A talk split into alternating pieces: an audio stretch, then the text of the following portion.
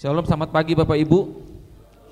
Uh, kita akan lanjutkan sebelum kita masuk bulan Maret, karena Maret kita saya melihat kita mau tidak mau harus masuk ke dalam pemahaman visi atau tema gereja pada tahun ini, yaitu berakar semakin kuat, berbuah semakin lebat. Jadi uh, berapa minggu ini kita akan mempersiapkan diri untuk masuk tema ini, dan minggu kemarin kita sudah belajar bagaimana kita hidup harus mengalami penggenapan janji Tuhan.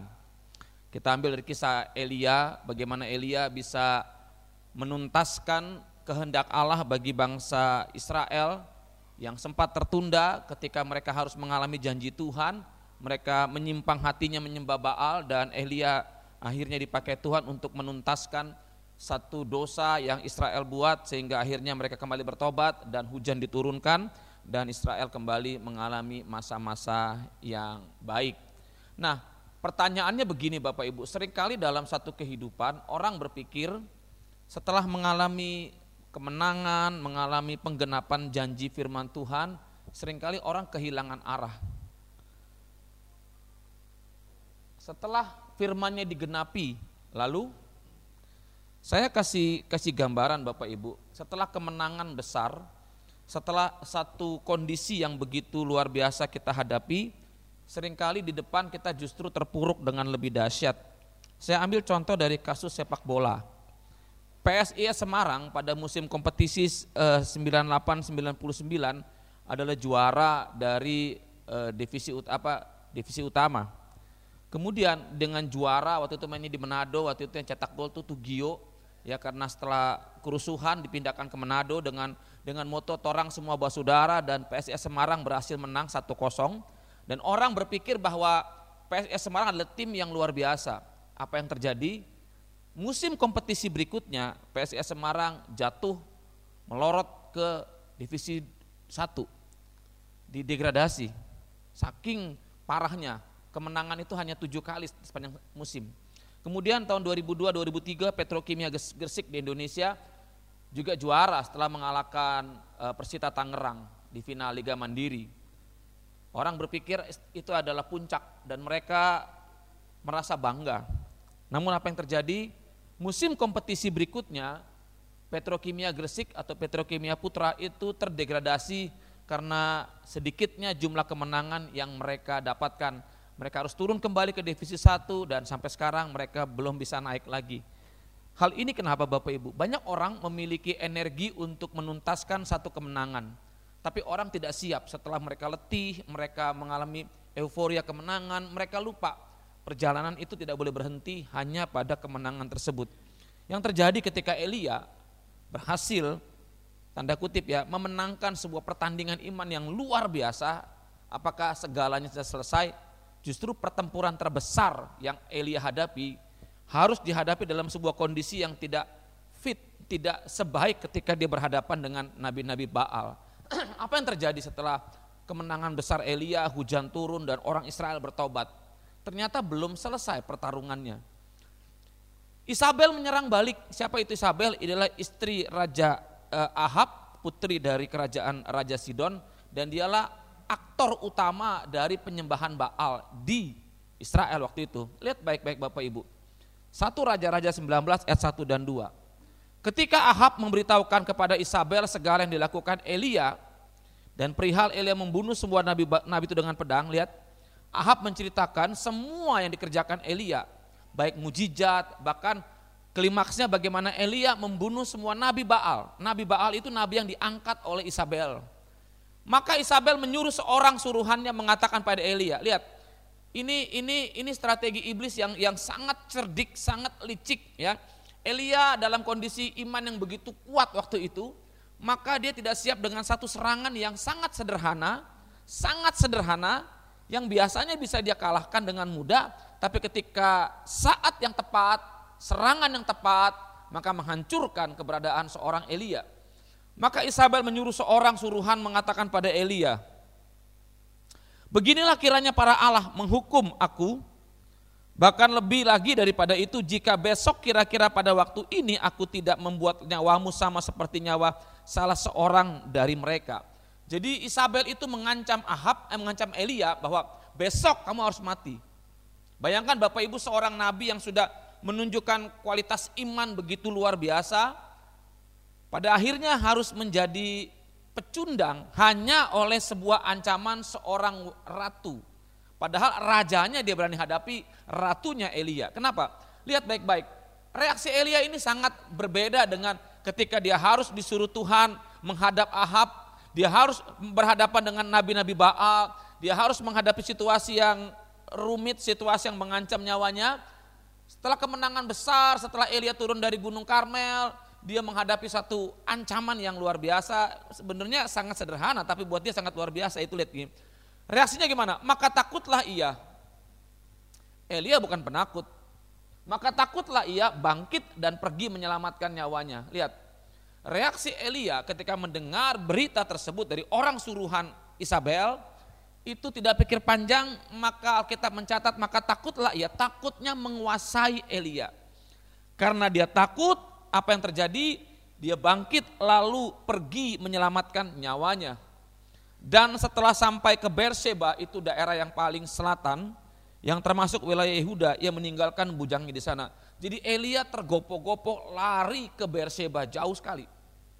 Tergopoh-gopoh lari ke Beersheba dan di satu tempat akhirnya dia meninggalkan bujangnya. Dia seorang diri. Tetapi ia sendiri masuk ke padang gurun sehari perjalanan lamanya. Lalu duduk di atas sebuah pohon arar, di bawah sebuah pohon arar, kemudian ia ingin mati. Katanya, cukuplah itu. Sekarang ya Tuhan ambillah nyawaku sebab aku tidak lebih baik daripada nenek moyangku. Saudara, saya tidak ingin berkutat nanti bagaimana Tuhan memulihkan Elia. Tapi kita melihat bahwa setelah kemenangan besar yang Elia dapatkan, setelah pertarungan iman yang begitu luar biasa yang belum pernah terjadi sampai hari ini, setelah pertobatan massal karena demonstrasi kuasa Allah untuk menunjukkan dia Allah yang benar, bukan Allah yang hanya berkuasa tapi dia Allah yang paling benar, maka seharusnya keadaan itu sudah baik. Seharusnya dengan dibunuhnya nabi-nabi Baal semua sudah selesai. Elia berpikir pertarungan sudah usai, dia pemenangnya. Namun belum cukup di situ, Isabel mengirimkan ancaman kepada Elia. Ancaman yang biasa yang tidak yang tidak menurut saya yang tidak seseram ancaman Nabi Baal, yang tidak seseram ancaman Ahab, hanya seorang wanita. Namun di sinilah kuasa dari intimidasi yang membuat seorang nabi yang begitu perkasa pada akhirnya menjadi takut. Elia tidak takut mati Bapak Ibu, Elia justru pengen mati. Kenapa Elia takut? Karena Elia tidak mau berhadapan dengan situasi di mana seakan-akan apa yang dia kerjakan itu sia-sia. Banyak orang siap untuk menang, tapi orang tidak siap untuk menghadapi situasi kalah. Banyak orang siap untuk berhasil, tapi banyak orang juga tidak siap untuk menghadapi kegagalan. Banyak orang siap untuk dipuji, tapi tidak sedikit orang yang tidak siap untuk diungkapkan kelemahan-kelemahannya. Ini yang terjadi pada Elia. Setelah kemenangan yang luar biasa, datang ancaman. Ancaman di saat yang tepat, saat tepat. Perhatikan baik-baik, setan itu sangat pintar.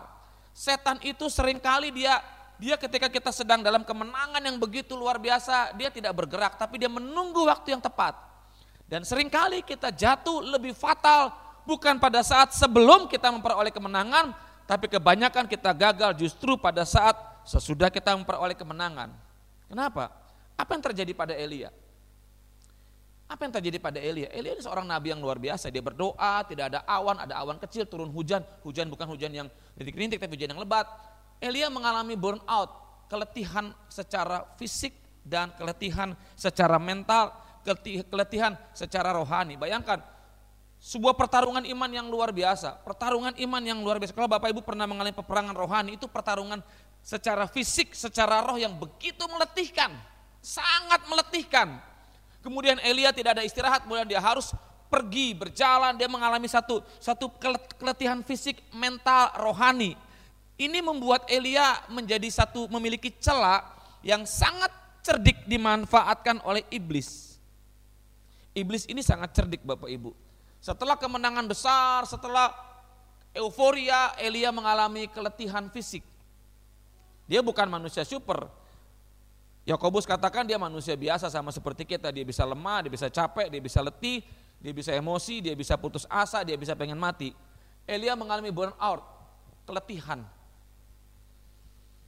Banyak di antara kita yang yang secara nggak sadar sebetulnya hari-hari ini kita sedang mengalami keletihan rohani, namun kita menganggap itu biasa saja. Dan ini yang membuat kita nggak sadar bahwa setan memperbudak kita. Kita lihat lagi. Karena dia mengalami keletihan rohani, keletihan dia mengalami depresi. Depresi itu bukan bicara kesedihan, tapi depresi itu lebih dalam dari kesedihan. Depresi itu lebih berbahaya dari kesedihan. Kalau kesedihan mungkin dia hanya menangis, terharu dan terselesai. Tapi depresi ini membuat Elia menjadi pribadi yang beda dengan Elia sebelum kemenangan. Apa yang terjadi dengan depresi? Elia merasa kesepian, hanya aku seorang diri Tuhan. Padahal Alkitab mencatat ada tujuh ribu umat Allah yang tidak menyembah Baal. Banyak umat Allah yang tidak menyembah Baal, tujuh ribu angka sempurna. Tapi di tengah-tengah keramaian Elia merasa loneliness, seorang diri, kesepian. Perhatikan Bapak Ibu, saat kita depresi, kita bisa merasa sendiri di tengah-tengah keramaian. Kita bisa merasa sendiri di tengah-tengah satu komunitas yang mendukung kita. Karena kenapa? Bukan komunitas yang salah, tapi sikap kita, kondisi kita yang mengalami depresi hingga kita merasa kesepian. Kesepian adalah salah satu musuh yang dapat membunuh iman, membunuh kerohanian, membunuh kehidupan perohani seseorang. Kenapa? Karena dia merasa, aduh nggak ada yang lain lagi nih, cuma tinggal saya nih. Pemimpin-pemimpin rohani atau tokoh-tokoh Alkitab di bawah Tuhan menghadapi situasi ini. Yusuf menghadapi situasi kesepian, Daud menghadapi situasi kesepian, Yakub menghadapi situasi kesepian, mereka melewati itu semua bukan dengan banyak keberhasilan. Musa pernah hampir mau mati, Paulus pernah bilang mau mati juga, bahkan Yunus juga bilang mau mati. Kenapa? Karena kesepian ini begitu begitu apa ya? Begitu melemahkan kita. Manusia kan makhluk sosial. Ketika dia merasa nggak ada yang perhatiin dia, nggak ada yang peduli sama dia, ketika dia merasa nggak ada lagi yang care sama dia, dia merasa nggak berarti. Akibatnya apa? Ya fatal buat kita. Dia nggak berarti. Dia sudah melakukan mujizat besar dalam pertolongan Tuhan, tapi seakan-akan nggak ada gunanya. Aku sudah lakukan hal besar buat Tuhan, tapi kenapa masih ada seperti ini? Elia merasa gagal Bapak Ibu. Perhatikan baik-baik. Seringkali kita menilai keberhasilan itu dari tolak ukur orang lain, bukan tolak ukur Tuhan. Sehingga kalau kita mengikuti keberhasilan dalam tolak ukur dunia, kadang-kadang kita menjadi kecewa karena kenapa? Perbedaannya begitu jauh. Tolak ukur Tuhan bukan bicara materi, bukan bicara tepuk tangan yang banyak, bukan bicara hal-hal yang manusia bisa katakan. Tolak ukur Tuhan adalah sesuatu yang menyenangkan hati Tuhan karena kita melakukannya dengan cara Tuhan, kekuatan Tuhan dan dalam pimpinan Tuhan. Sedangkan ukur manusia enggak. Elia mungkin membandingkan dirinya dengan Musa yang begitu dahsyat yang memimpin umat Allah sehingga mereka bisa keluar dari Mesir dengan berbagai macam mujizat dan luar biasa. Elia merasa gagal tidak seperti Musa, tidak seperti tokoh-tokoh Alkitab yang dia kenal. Elia merasa gagal dengan semua yang dilakukan, seakan-akan semuanya itu sia-sia. Berapa banyak kita sering kali merasa ada udah gak ada gunanya lagi lah ngapain sih? Tiga, tiga kombinasi dari perasaan kesepian, nggak berarti, karena kita berpikir nilai kita itu karena kesuksesan yang kita dapat. Nilai kita itu kita lihat dari sikap orang pada diri kita. Nilai kita itu kita kita taruh kepada penilaian orang atau kepada situasi, kepada keadaan hingga ketika segala sesuatu tidak seperti yang kita pikirkan atau yang kita inginkan, maka kita merasa nggak bernilai. Elia Kurang apa ketika dia mengadakan mujizat dengan luar biasa, janda sarfat membangkitkan orang yang mati, kemudian dia menurunkan api dari langit. Kurang apa lagi? Seharusnya dia punya nilai yang tinggi. Tapi ketika dia mendapati Isabel masih berani menghadapi dia, dia merasa seakan-akan semuanya sia-sia. Seakan semuanya nggak ada guna lagi. Seakan semuanya sudah, ya udahlah ngapain lagi sih? Kesepian, seorang diri padahal masih ada tujuh ribu orang, masih ada bujangnya yang bersama dengan dia. Enggak berarti seakan-akan apa yang dikerjakan itu semua sia-sia, enggak ada gunanya. Dan ini berakibat pada satu keputusan fatal yang sering kali saya atau saudara mungkin mem pernah memikirkan hal ini, yaitu ingin mati. Kenapa? Karena udah nggak ada gunanya lagi hidup ini.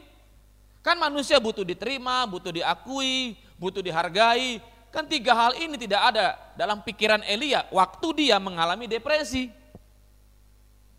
Dia bilang ke Tuhan, dia bukan penakut, dia pengen mati karena dia dia merasa nggak berarti, dia merasa aku hanya seorang diri, aku apa ya sia-sialah Tuhan, aku sudah kerja keras, capek sepertinya, nggak ada penghargaan, nggak ada hasil, ya udahlah, Berapa banyak kita dalam perjalanan kerohanian kita, kita mengalami hal ini. Ketika masalah seakan-akan nggak pernah selesai. Ketika seakan gini loh, Tuhan aku nih baru aja menikmati berkat kebaikanmu, menikmati kemenanganku, kenapa tiba-tiba ada masalah-masalah baru? Saya pikir ini perlu kita pikirkan bahwa setan itu nggak pernah istirahat, setan bekerja terus agar kita jatuh. Kesepian, berapa banyak kita sering kali merasa kesepian, apalagi ketika di saat-saat sendiri, saat kita butuh dukungan orang, orang tidak mendukung kita. Saya mau katakan salah satu ujian yang membuat saudara kuat dalam iman adalah ujian kesepian, ujian padang gurun. Ujian di mana ketika orang tidak menaruh perhatian atau peduli pada saudara, bukan karena mereka nggak peduli, tapi karena memang Allah izinkan situasi seperti itu supaya engkau betul-betul berharap dan mengalami Tuhan secara pribadi. Amin. Amin. Amin. Elia pergi ke padang gurun seorang diri, dia tinggalkan bujangnya. Untuk apa? Untuk mati. Dia nggak mau mati di tangan Nabi. Dia nggak mau mati di tangan di tangan uh, Isabel, nggak mau mati di tangan manusia. Dia ingin mati di tangan Tuhan. Nggak berarti, aduh udah nggak ada gunanya lagi hidupku ini. Sebagai pemimpin, sebagai orang yang dipercaya Tuhan dalam beberapa jabatan, ini ini juga bisa menyerang saya pribadi. Bahkan berkali-kali saya harus bergumul memikirkan ingin mati. Pernah? Saya ingat waktu masih SMA Bapak Ibu, saya diingatkan masuk dalam sebuah titik, salah satu titik terendah hidupku. Saya SMA kan papa saya meninggal kelas 3, saya kelas 3 SMP. Kemudian saya tinggal dengan koko saya, saya tinggal kemudian suatu ketika uh, saya buat satu kesalahan yang cukup fatal. Jadi waktu itu rumah dikunci, saya pulang sekolah, saya lapar, saya nggak tahu gimana, saya masuk rumah dengan mencongkel pintu. Koko saya marah, saya dimarahin keras habis-habisan, saya betul-betul merasa terhina sekali Bapak Ibu di kamar itu malam itu saya dalam keadaan depresi, dalam keadaan merasa seorang diri, saya waktu itu saya ingat lagunya di mana akan ku cari untuk ayah tercinta saya dekat dengan bapak saya. Saya merasa belum siap dia meninggal, saya merasa belum belum belum lama menikmati kebahagiaan, dia pergi ketika masalah-masalah sulit itu datang. Saya berpikir lagu itu itu meracuni saya Bapak Ibu. Saya pengen, dah aku mati aja. Kemudian saya merasa nggak berarti lagi. Siapa yang mau terima saya? Keluarga-keluarga, saya berpikir hanya terima saya ketika kami lagi lagi berjaya, lagi ada uang, Orang nyambut kami dengan senyum, tapi ketika kami nggak ada uang, kami datang ke rumah saudara, ya kadang-kadang sambutannya itu dengan penuh curiga, minta duit ya. Kayak merasa terhina gitu. Kemudian kayak merasa sia-sia, ngapain sih saya harus harus sekolah lagi? Nggak ada guna kok. Jadi waktu itu saya sudah di depan saya itu sudah ada satu bot satu gelas dengan satu botol baygon, eh satu baygon, saya sudah saya sudah tuang Bapak Ibu. Saya sudah tuang dan ya tinggal tinggal dieksekusi lah Pak ya. Tapi malam itu saya percaya ada ada Tuhan yang mencegah saya untuk mati karena saya harus jadi pendeta. Amin. Amin. Itu pikiran itu begitu kuat dan begitu mengajak saya, ayo Ron, ayo Ron, ayo Ron. Udah nggak ada guna lagi, udah nggak ada guna. Mamamu udah nikah lagi dengan yang lain. Kokomu udah nggak peduli, semua udah nggak peduli dengan dirimu. Mati aja temuin bapakmu itu begitu kuat di kamar sama nggak ada yang mencegah bapak ibu tinggal minum selesai. Tapi di situ Tuhan Yesus tuh nggak pernah biarkan seorang yang dipilihnya untuk gagal. Dia berjuang mempertahankan dan saya putuskan untuk tidak bunuh diri dan saya bisa hidup hari ini. Cukuplah itu sekarang ya Tuhan, cukup semuanya Tuhan.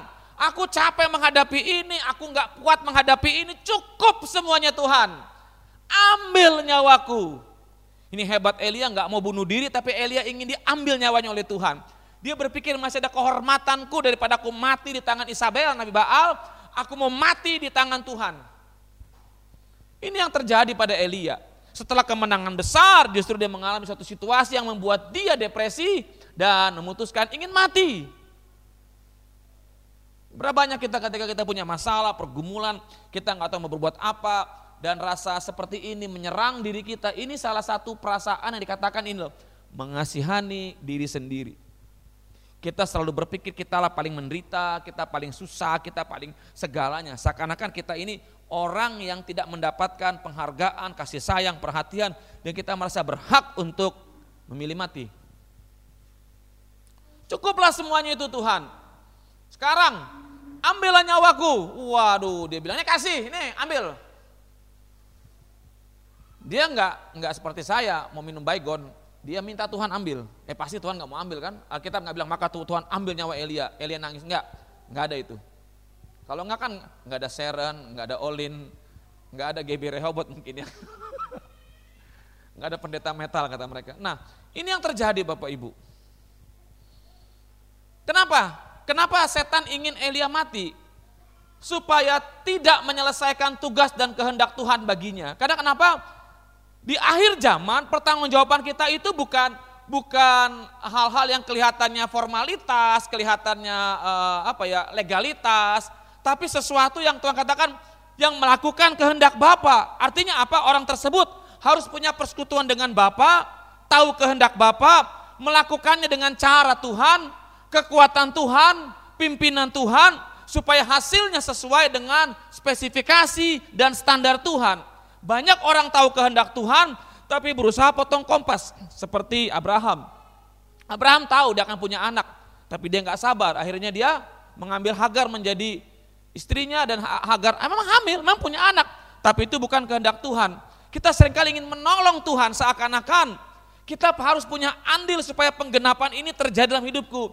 No, keberhasilan adalah ketika engkau tahu kehendak Tuhan, melakukannya dengan cara Tuhan, kekuatan Tuhan, pimpinan Tuhan, supaya spesifikasi Tuhan, standar Tuhan dalam hidupmu, itu yang dia cari. Banyak orang potong kompas, ingin cepat selesai, ingin cepat jadi, ingin cepat kelihatan hasil, dan dia berusaha membantu Tuhan.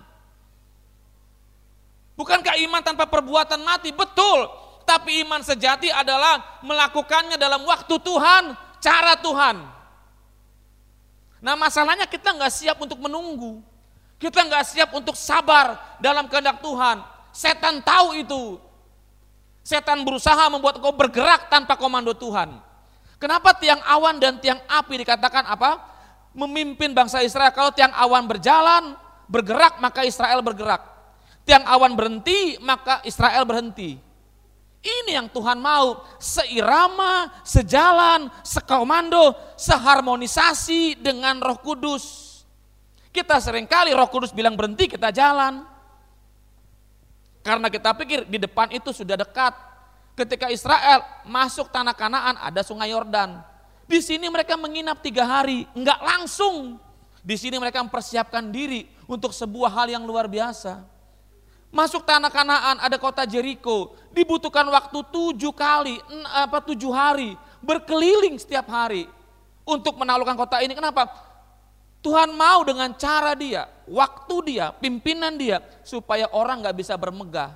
Karena apa? Kita nggak akan mungkin mampu menaklukkan Jericho Jericho ini tanpa pertolongan Tuhan. Kalau kita mati, kita berhenti, kita gagal, kita nggak menuntaskan kehendak Tuhan di akhir zaman, kita akan sama dengan orang-orang yang berbuat jahat. Enyahlah, hai pembuat kejahatan. Tapi mereka buat mujizat, iya. Mereka dipakai Tuhan, iya. Mereka luar biasa, iya. Tapi mereka tidak melakukan kehendak Tuhan. Kok bisa om? Tuhan bisa pakai burung gagak untuk memberkati Elia. Tuhan bisa pakai ayam jago untuk mentobatkan Petrus. Tuhan bisa pakai ikan besar untuk menangkap Yunus. Tuhan bisa pakai Anda untuk memberkati orang lain. Orang lain diberkati, andanya terbuang. Hati-hati. Apa kata Paulus? Aku melatih tubuhku supaya aku setelah memberitakan Injil, aku tidak ditolak. Jadi jangan bangga dengan satu hal yang kelihatan hebat. Kita mesti terus menerus memahami bahwa setan itu ingin kita gagal. Akhirnya apa? Elia kalau misalnya dia dia mati atau dia depresi atau dia kabur dari panggilan, dia nggak menyelesaikan tugas. Apa yang Tuhan mau kasih dia tugas? Apa kasih tugas? Ada tugas dari Tuhan yang Elia harus lakukan. Mengurapi Hasael menjadi raja Aram, mengurapi Yehu, mengurapi Elisa. Walaupun tiga tugas ini hanya satu yang bisa dikerjakan, tapi minimal Elia bangkit kembali dalam kehendak Bapak. Hanya mengurapi Elia, selanjutnya Elisa penggantinya. Tugas ini hampir gagal. Kalau Elia berhenti ketika dia di padang gurun. Berapa banyak kita yang hari ini seharusnya melangkah lebih jauh tapi kita banyak berhentinya karena kita berpikir seperti Elia. Perhatikanlah, waspadalah dengan hal-hal seperti ini. Setelah mengalami mengalami penggenapan firmannya atau kemenangan iman, bukan akhir dari perjalanan kehidupan kita. Setiap kemenangan iman akan memiliki konsekuensi setelah kau mengalami mujizat, mengalami lawatan Tuhan, itu memiliki konsekuensi. Saya minta tanya Samuel, Samuel pernah nggak Nesawa mengalami satu masa di mana kebangunan rohani itu luar biasa? Nesawa itu itu kampung pertama GBI di Kalimantan Barat dan saya dengar kesaksian dari Om Karel almarhum itu nek sawah pagi-pagi yang berdoa tuh satu gedung, betul? Ramai. Dan api kebangunan rohani di Nesawa itu menular kepada seluruh Kalimantan Barat. Saya tanya hari ini, Samuel jujur, gimana Nesawa hari ini?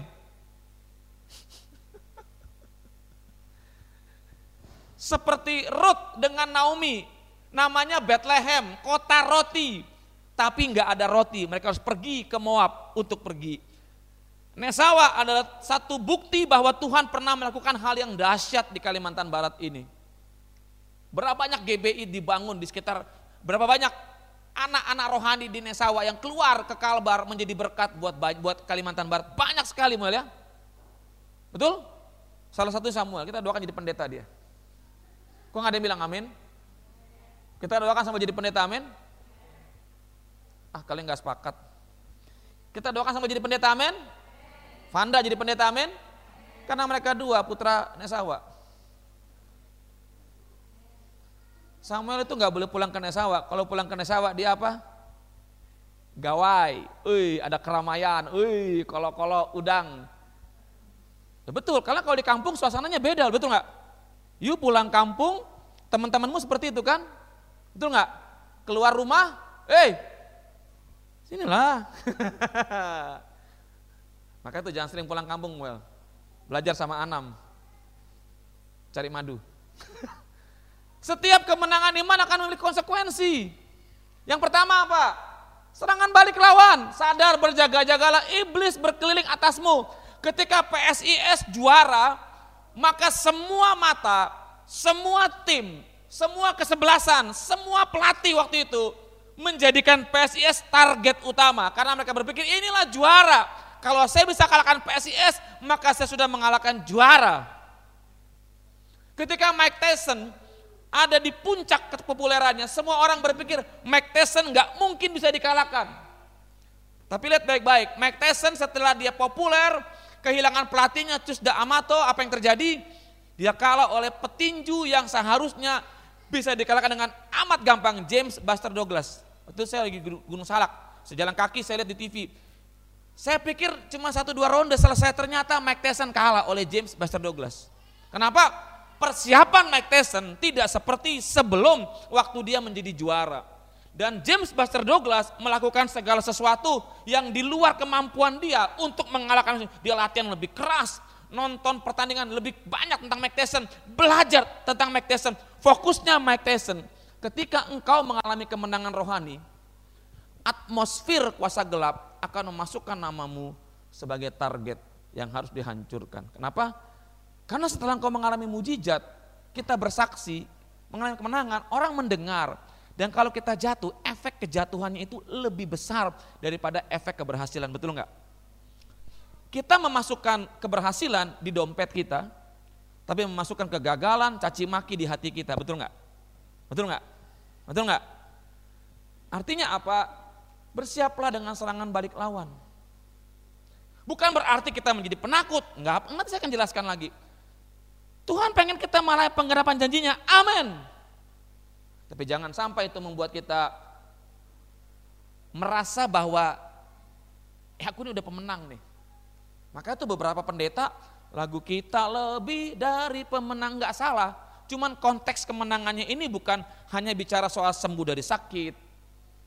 Tapi bagaimana ketika engkau menghadapi situasi yang buruk, Tuhan tetap pertahankan engkau, engkau tetap menjadi Kristen, imanmu tetap bertumbuh dan kuat.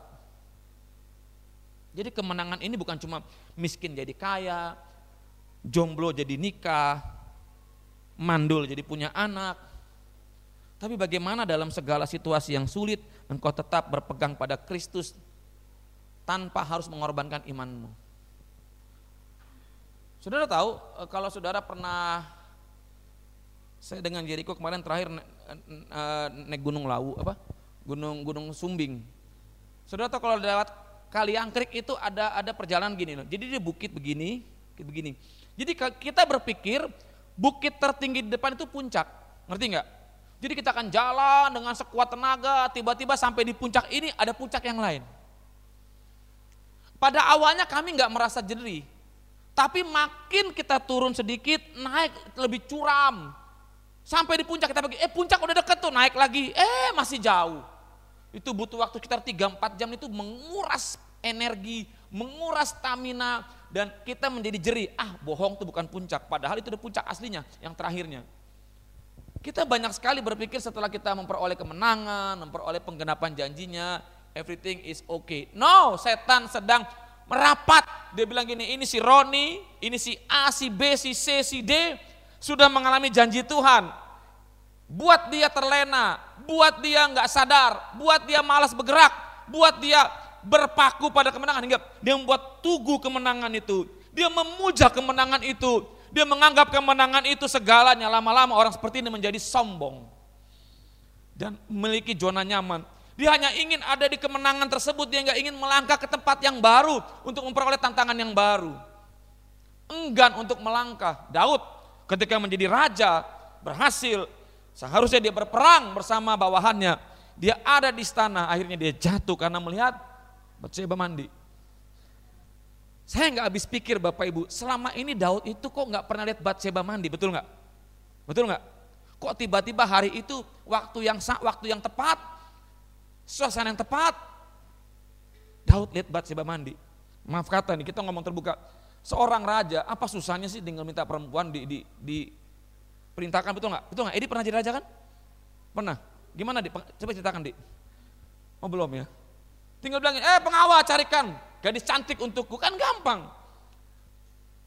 Aneh. Daud akhirnya pas Batseba mandi, ada orang bilang gini, ngapain sih Batseba mandi pada jam itu? Genit itu dia. Saya nggak tahu, nggak mau salahkan Batseba, tapi Daud yang salah karena dia berada di zona nyaman. Harusnya di medan perang, bukan di istana berleha-leha. Sombong. Ciri kasih gini, dulu saya. Dulu saya, hidupnya selalu di masa lalu, bukan hari ini. Kapan itu masa lalu? Satu detik yang lalu sudah masa Artinya waktu itu bergerak dan masa lalu itu selalu mengintai kita 24 jam. Kapan masa lalu? Ketika Samuel main drum. Kapan masa lalu? Ketika Pak Roni berangkat dari rumah. Kapan masa lalu? Ketika Pak Roni nyalakan komputer. Betul nggak? Cepat nggak? Cepat nggak?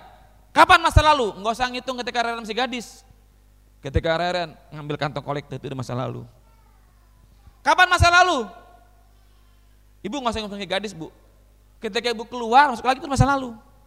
Begitu cepatnya waktu berlalu hingga kadang-kadang kita nggak sadar, kita terlena, kita berpikir udahlah kita selalu mengandalkan kemenangan kita yang lalu, kita selalu berpikir kita ini hebat. Iblis itu suka menanamkan itu supaya kita nggak mau bergerak. Kita terlena dengan sebuah zona nyaman, kita berpikir di situlah kita menjadi pribadi yang nyaman. Saudara tidak ada pertumbuhan iman tanpa apa di zona nyaman. Iman tidak ada di zona nyaman, harus keluar meninggalkan zona nyaman, baru imanmu bertumbuh kembali. Yang kedua, bergerak untuk melangkah menyelesaikan kehendaknya. Ketika Elia dipulihkan Tuhan, Tuhan bilang gini, ayo kembali ke jalanmu. Saudara mungkin kita mengalami sebuah kondisi di mana kita terduduk, kita terjatuh, kita terkulai, kita letih, kita malas melangkah, kita putus asa. Di situ Tuhan bekerja untuk memulihkan kita dengan cara yang ajaib, secara pribadi. Dan ketika kita pulih, bukan berarti kita ada di zona nyaman, kita ada di situ. No, you mesti bergerak. Para murid dipanggil menjadi saksi Kristus. Mereka pernah gagal menyangkal Yesus Kristus, bahkan mereka sembunyi takut. Tuhan datang memulihkan mereka. Setelah mereka pulih apa yang Tuhan? Diutus kembali dengan penyertaan Roh Kudus. Amin. Engkau dipulihkan bukan untuk menikmati hidupmu, tapi untuk menggenapi rencana Allah dalam hidupmu. Saya tidak jadi bunuh diri bukan karena apa-apa, tapi saya tahu ada rencana Allah yang harus tergenapi dalam hidup saya. Itu baygon itu rasanya agak pahit kalau nggak salah ya, dikit, dikit aja, dikit aja. Kalau Mungkin lagi minum gini pak, kepleset gitu ya, gelap. kan enggak, gemeter saya tuh. Udah di Kemudian saya diingatkan masa-masa sekolah minggu yang indah dahulu. Zaman sekarang berjagalah, lihat dunia bergelora. Ingat-ingat sekolah minggu, ingat-ingat bahwa ada, ada, ada guru sekolah minggu yang mengasihi saya, ada kakak-kakak yang mau mencintai saya. Aduh, saya diingatkan bahwa saya belum berpikir tentang kasih Tuhan, tapi saya diingatkan bahwa ada orang yang care dengan saya gitu. Akhirnya saya, itu kalau salah saya ke, ke sekolah minggu di hari minggunya. Dan uh, waktu itu Om Han bilang gini, Ih Roni kamu dari mana aja? Mereka bilang, kamu ke mana aja Ron? Udah cuti sekian tahun kan? Sekolah minggu. Dalam perjalanan tersebut kita harus fokus melangkah pada tuntunannya. Meninggalkan segala sesuatu yang jadi penghalang.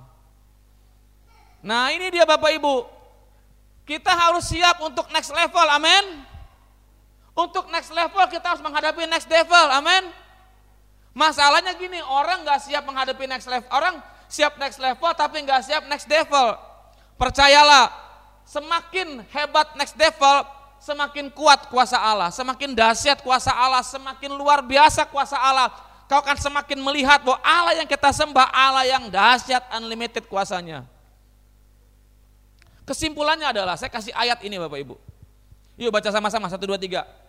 Bukan seolah-olah aku telah melainkan tetapi yang kulakukan apa? Aku dan berlari pada tujuan untuk memperoleh hadiah yaitu kesimpulannya apa? Yang pertama, jangan berpuas diri. Bilang kiri kanan, jangan berpuas diri.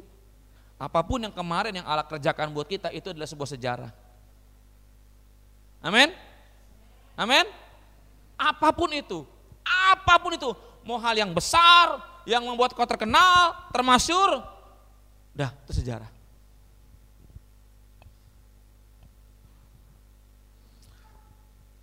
Waktu pertama kali kembali saya naik gunung setelah 20 tahun Bapak Ibu. Saya naik gunung gede tahun 90 tahun 2004 apa 2000 berapa saya lupa sekitar 5 atau 6 tahun yang lalu. Setelah cuti hampir 20 tahun ketika di Sintang saya nggak naik gunung lagi. Kemudian saya naik gunung lagi. Ada pos semua sudah berubah. Saya duduk dengan nunggu teman dari Jakarta waktu itu macet. Saya sendirian duduk karena saya datang duluan saya minum kopi dan saya merasa asing dengan situasinya karena 20 tahun saya saya tidak bergaul dengan komunitas pendaki. Dahulu kami naik gunung itu kan dengan gembel, sepatunya sepatu warrior. Pak Agung tau kan warrior kan? Nah, dulu gitu. Sekarang udah keren sepatunya merek sepatu yang buat kami itu dulu mimpi. Saya duduk di situ, saya nunggu teman-teman, kemudian datang beberapa anak muda dari Jakarta, mereka dengan dengan eh, pokoknya keren lah buat kita tuh uh, borjuis lah kita bilang lah, ranselnya Eger, pokoknya keren lah. Kemudian saya duduk di, di depan saya dia makan, dulu kan belum corona jadi boleh kan. Yang saya kaget dia manggil saya gini, malam om, saya nggak siap dipanggil om. Betul, karena saya merasa dulu saya itu muda dan saya merasa masih muda waktu itu. Ketika dia panggil malam om, Saya kaget. Saya pengen marah tapi saya, oh ya om. Malam om? Iya. Om mau naik gunung gini. Dalam sini goblok nanya gitu ya. Iya. Om udah pernah naik gunung ini? Pernah? Nah itu mulai bangkit. Berapa kali om? Uh saya sebutin, saya sudah sebelaskan di gunung gede gini. Uh hebat dong om. Iya. Kapan terakhir om? 20 tahun yang lalu. Tahu nggak jawabannya itu bilang, oh sekarang medannya udah beda om.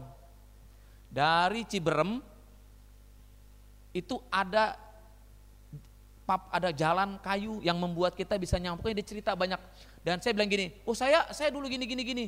Udah beda sekarang om. Di tanjakan setan ada cabang dua jalannya. Dulu om ada nggak? Nggak ada. Dan saya merasa masih euforia dengan masa lalu dan saya berpikir bahwa saya adalah Roni yang yang masih kuat, yang masih hebat.